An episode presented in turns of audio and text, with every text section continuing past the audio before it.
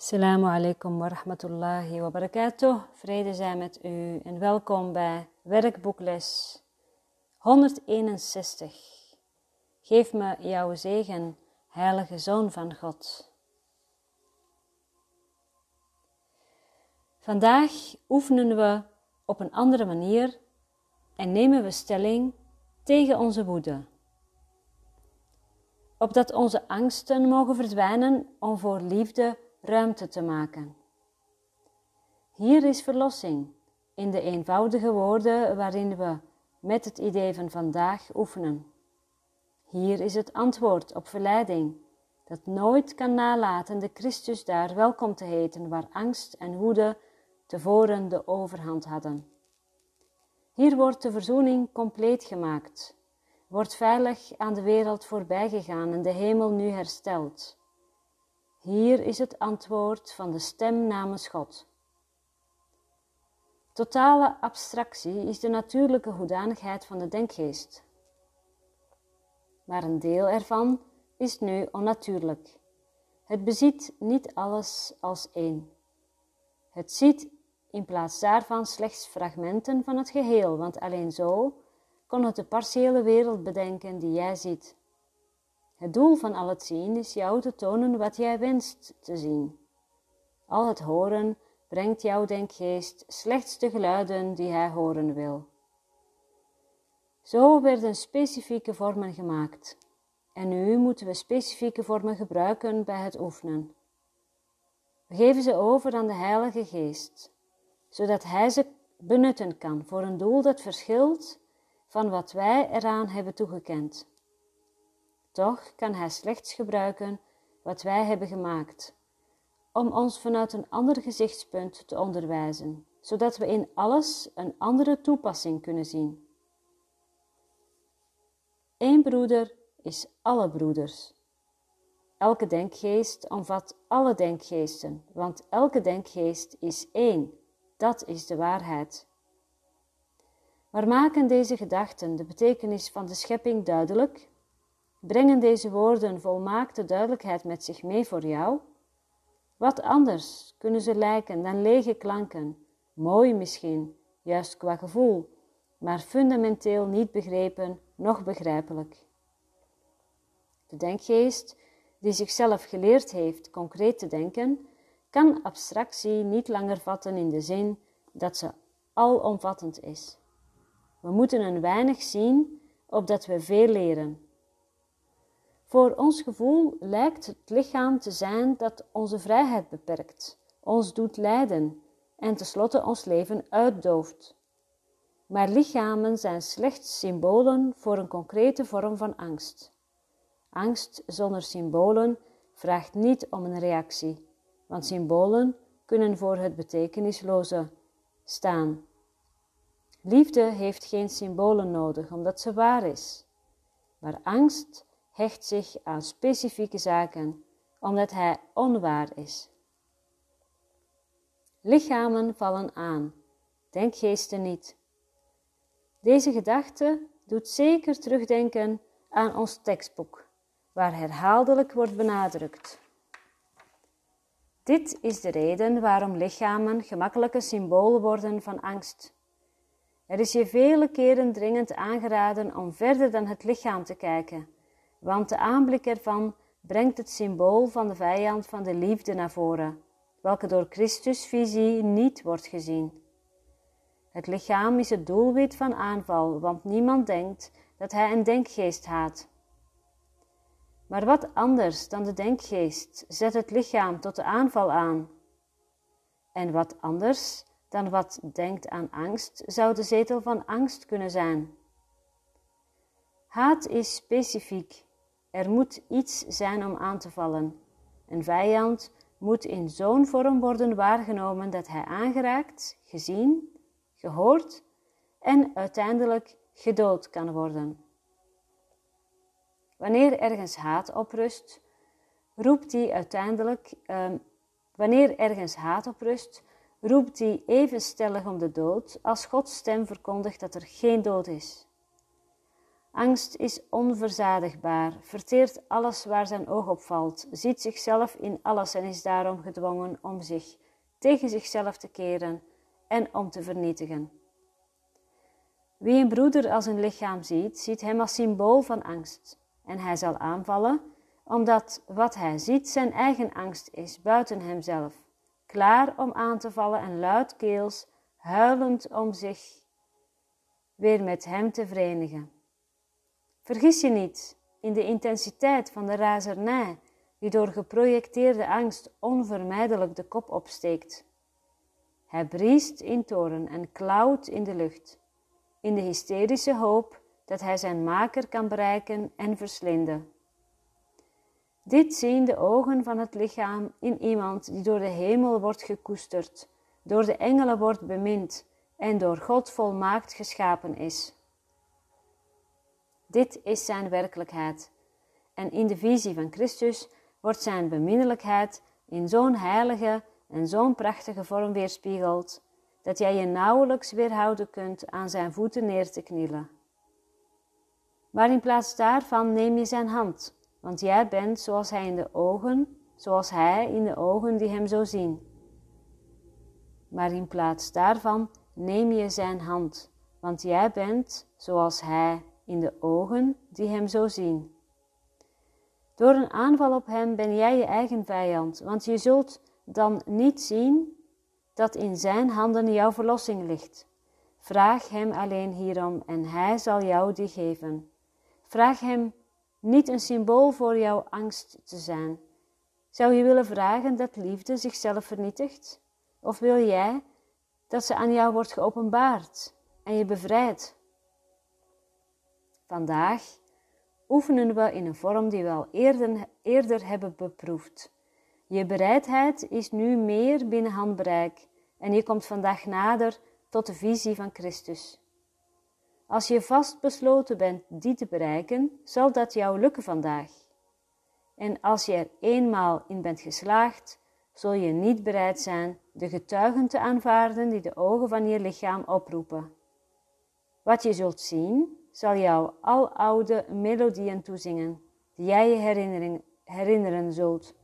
Jij bent niet vergeten in de hemel. Wil jij je die dan niet herinneren?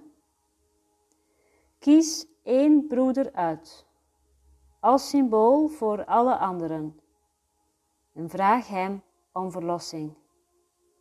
Zie hem eerst zo duidelijk als je kunt, in dezelfde vorm als die je gewend bent. Zie zijn gezicht, zijn handen en voeten, zijn kleding. Kijk hoe hij glimlacht en zie de vertrouwde gebaren die hij zo regelmatig maakt. Denk dan hieraan. Wat je nu ziet, verbergt voor jou de aanblik van iemand die jou al je zonden kan vergeven, wiens heilige handen de spijkers kunnen verwijderen die de jouwe doorboren en die de doorn doornenkroon kan wegnemen die jij op je bloedende hoofd hebt geplaatst. Vraag hem het volgende, zodat hij jou kan bevrijden. Geef me jouw zegen, heilige Zoon van God. Ik wil je met de ogen van Christus aanschouwen en mijn volmaakte zonderloosheid in jou zien. En hij, op wie jij een beroep doet, zal antwoorden. Want hij zal de stem namens God in jou horen en antwoorden in jouw stem. Aanschouw hem nu, die jij als louter vlees en beenderen hebt gezien en besef dat Christus tot jou is gekomen. Het idee van vandaag vormt jouw zekere middel ter ontsnapping aan woede en angst. Zorg ervoor dat je het onmiddellijk gebruikt mocht je in de verleiding komen een broeder aan te vallen en in hem het symbool van jouw angst te zien. En je zult hem plotseling zien veranderen van vijand in verlosser, van de duivel in Christus.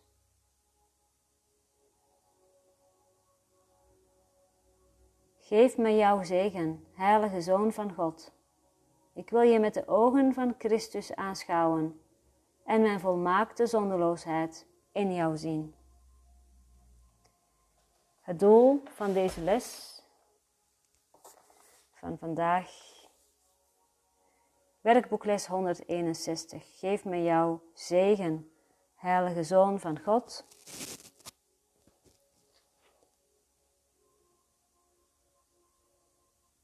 Is het loslaten van de angst die je op je broeder projecteert.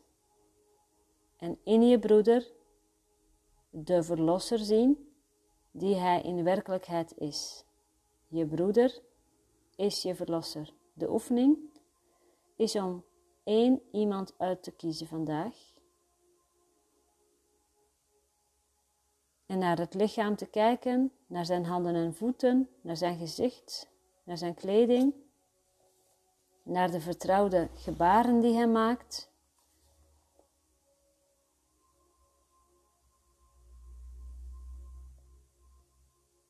En kijk daaraan voorbij, zodat je de werkelijkheid kunt aanschouwen voorbij de vorm. Kijk voorbij de vorm naar de werkelijkheid van je broeder. En vraag in gedachten: Geef me jouw zegen, heilige Zoon van God. Wil je met de ogen van Christus aanschouwen en mijn volmaakte zondeloosheid in jou zien? Als ik naar jou kijk en voorbij jouw lichaam kijk, naar jouw werkelijkheid, naar jouw onschuld, dan erken ik mijn eigen onschuld.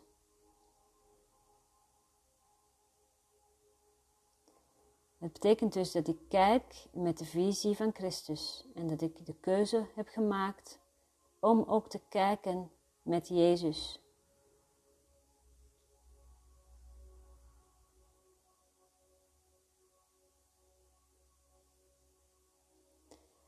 En het is die werkelijkheid waar we dan naar kijken, die ons antwoord zal geven.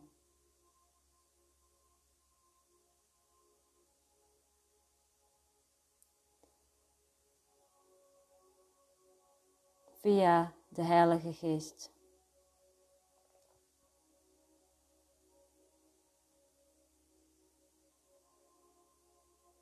Dus wat we ook ervaren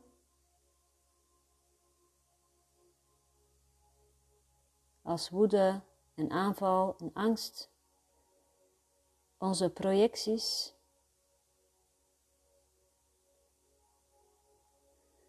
Ze zijn een uitnodiging, een gelegenheid om voorbij de vorm de werkelijkheid te aanschouwen van ons ware zelf. We doen dit met de hulp van onze innerlijke gids. We doen dit samen met Jezus, zodat we de stem namens God kunnen horen, die ons vertelt dat we de volmaakte zoon van God zijn, dat we onschuldig zijn, dat we gedragen worden door de liefde van God. Laten we vandaag alle angst die we voelen en ervaren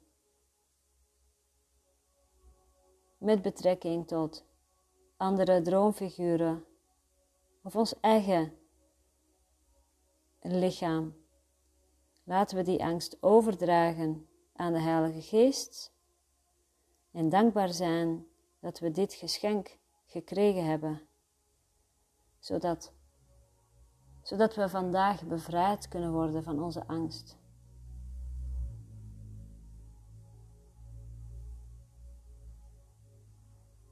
Geef me jouw zegen, heilige Zoon van God.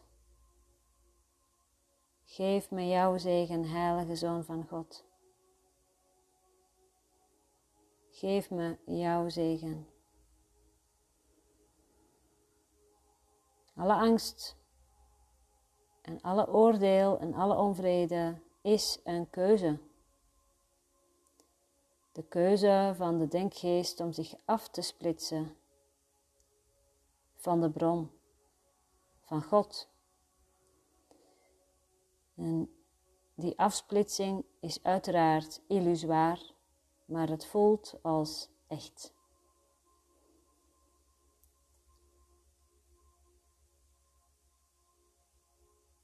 Jezus vraagt ons om daar ook naar te kijken en het niet te ontkennen. Om dus de angst die we projecteren, in welke situatie dan ook, of op welke persoon dan ook, of misschien op ons eigen persoonlijke zelf, om die niet te ontkennen. In ieder geval om daar echt serieus naar te kijken.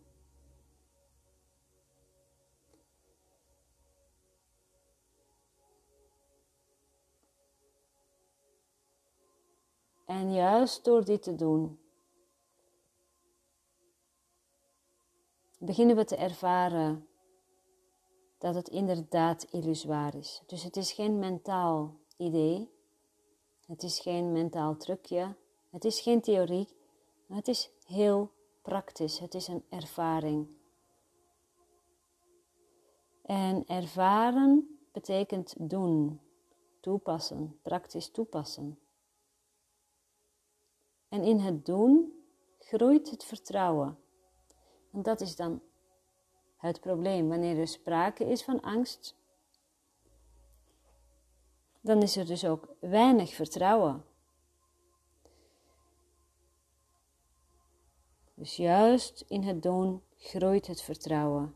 Het vertrouwen dat er niets te vrezen valt. En dat, ik heb het hier op een kaartje uh, naast me op de schouw staan. Tekstboek 18, paragraaf 3, alinea 3, regel 2. Als je wist wie er aan jouw zijde wandelt op de weg die jij gekozen hebt, zou angst onmogelijk zijn. Als je wist wie er aan jouw zijde wandelt op de weg die jij gekozen hebt, zou angst onmogelijk zijn. Lieve broeder, lieve luisteraar, het is een oefening. Het is een oefening om midden in het leven te staan en om dat wat we ervaren in ons persoonlijke leven niet te ontkennen.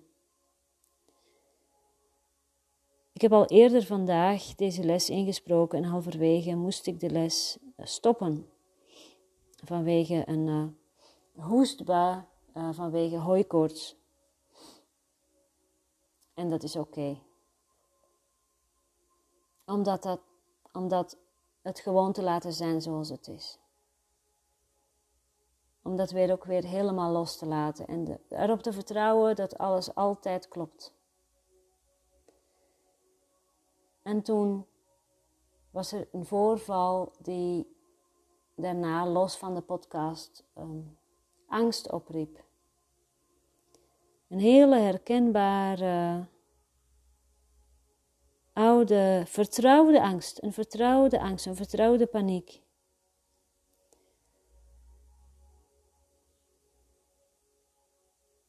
En dan is het de oefening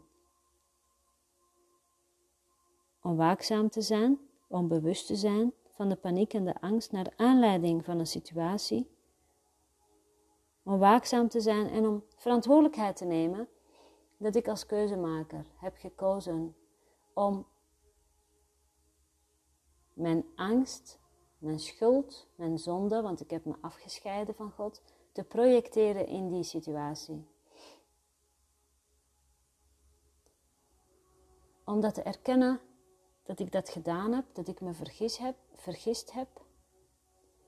Die ik, dat is op het niveau van de denkgeest. Dat heeft niets met Samira te maken. Dat heeft niets met het persoonlijke zelf te maken. Het is heel belangrijk om te zien, te beseffen, te horen, te weten dat het gebeurt op het niveau van de denkgeest. De keuzemaker, ik, als ik zeg ik, dan bedoel ik nu ik als keuzemaker Wanneer je identificeert met het lichaam, dan ben je niet bewust dat het allemaal uit de denkgeest voorkomt. Maar we zijn nu al een tijdje op weg in een cursus in wonderen, dus we weten inmiddels uh, dat er op het niveau van het lichaam, dat het allemaal illusoir is, dat het niet is wat we zijn, dat het lichaam in feite niet bestaat en slechts een projectie is van angst. Dat is het middel bij uitstek voor het ego. Het lichaam, daar, daar kun je van alles op projecteren. Je kunt op andere lichamen alle schuld projecteren.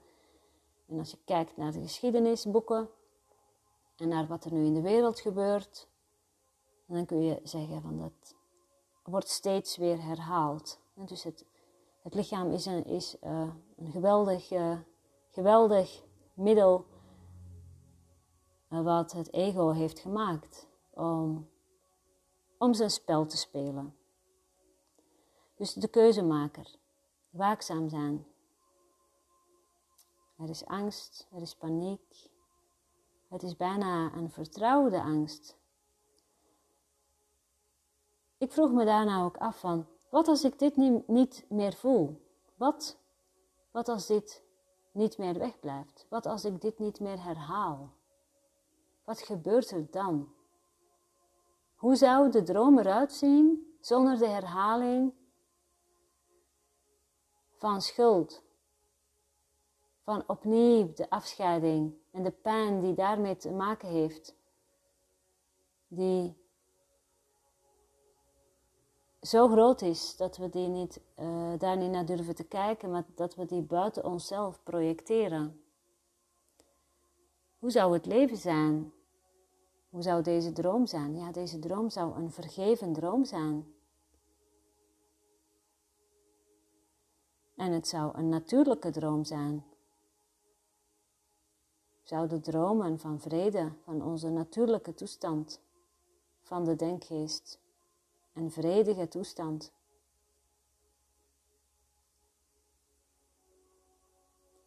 We zouden in elke omstandigheid en in alle omstandigheden simpelweg weten dat het niet waar is.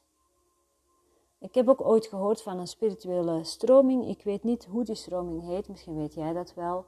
Maar daar herhalen ze steeds: het is niet waar. Het is niet waar. Dus bij elke gedachte, bij elk oordeel, bij elke conclusie, om daarachteraan te herhalen: dit is niet waar.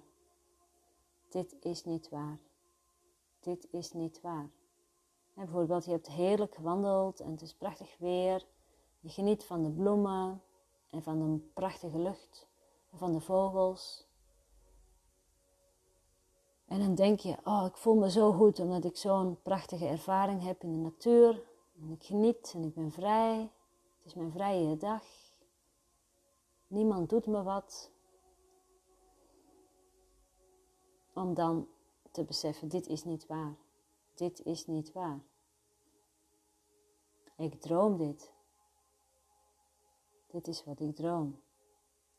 Het is echt. Je ontkent niet wat er gebeurt. Kijk naar de vogels en de lucht. Dat, dat zie je voor je.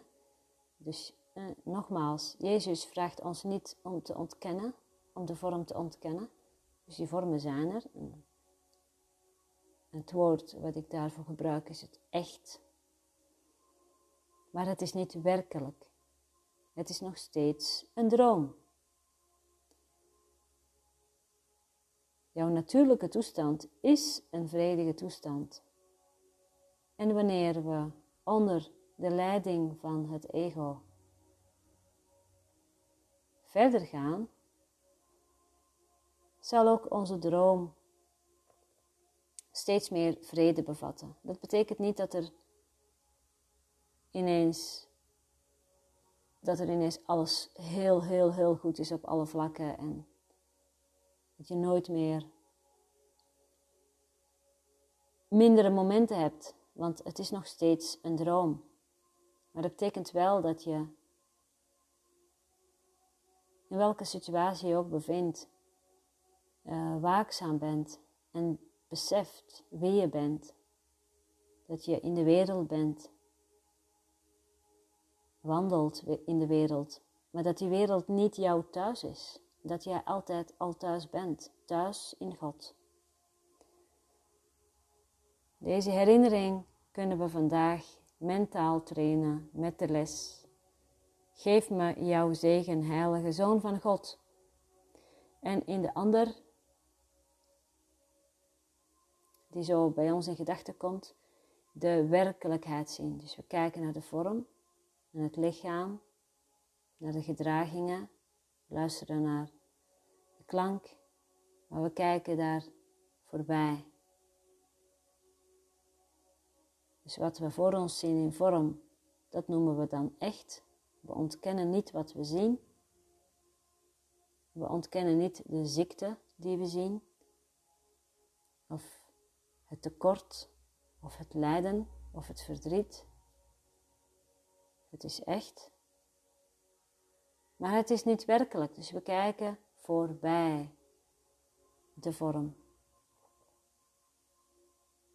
En dat doen we met de visie van Christus. Geef me jouw zegen, heilige Zoon van God. Ik wil je met de ogen van Christus aanschouwen en mijn volmaakte zonderloosheid in jou zien. Door naar jou te kijken met de ogen van Christus, met de visie van Christus, zal ik mezelf bevrijden.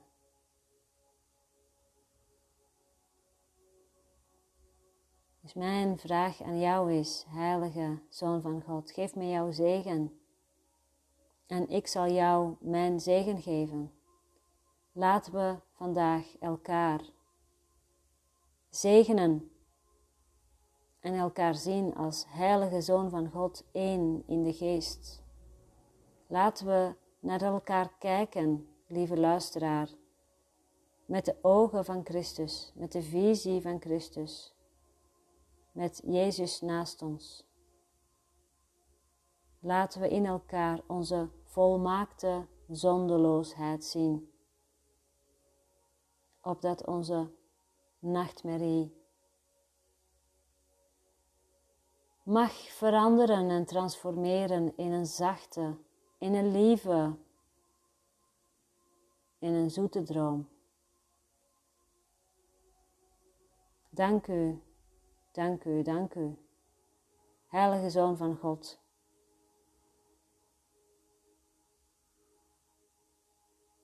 Assalamu alaikum wa rahmatullahi wa barakatuh. Vrede zijn met u.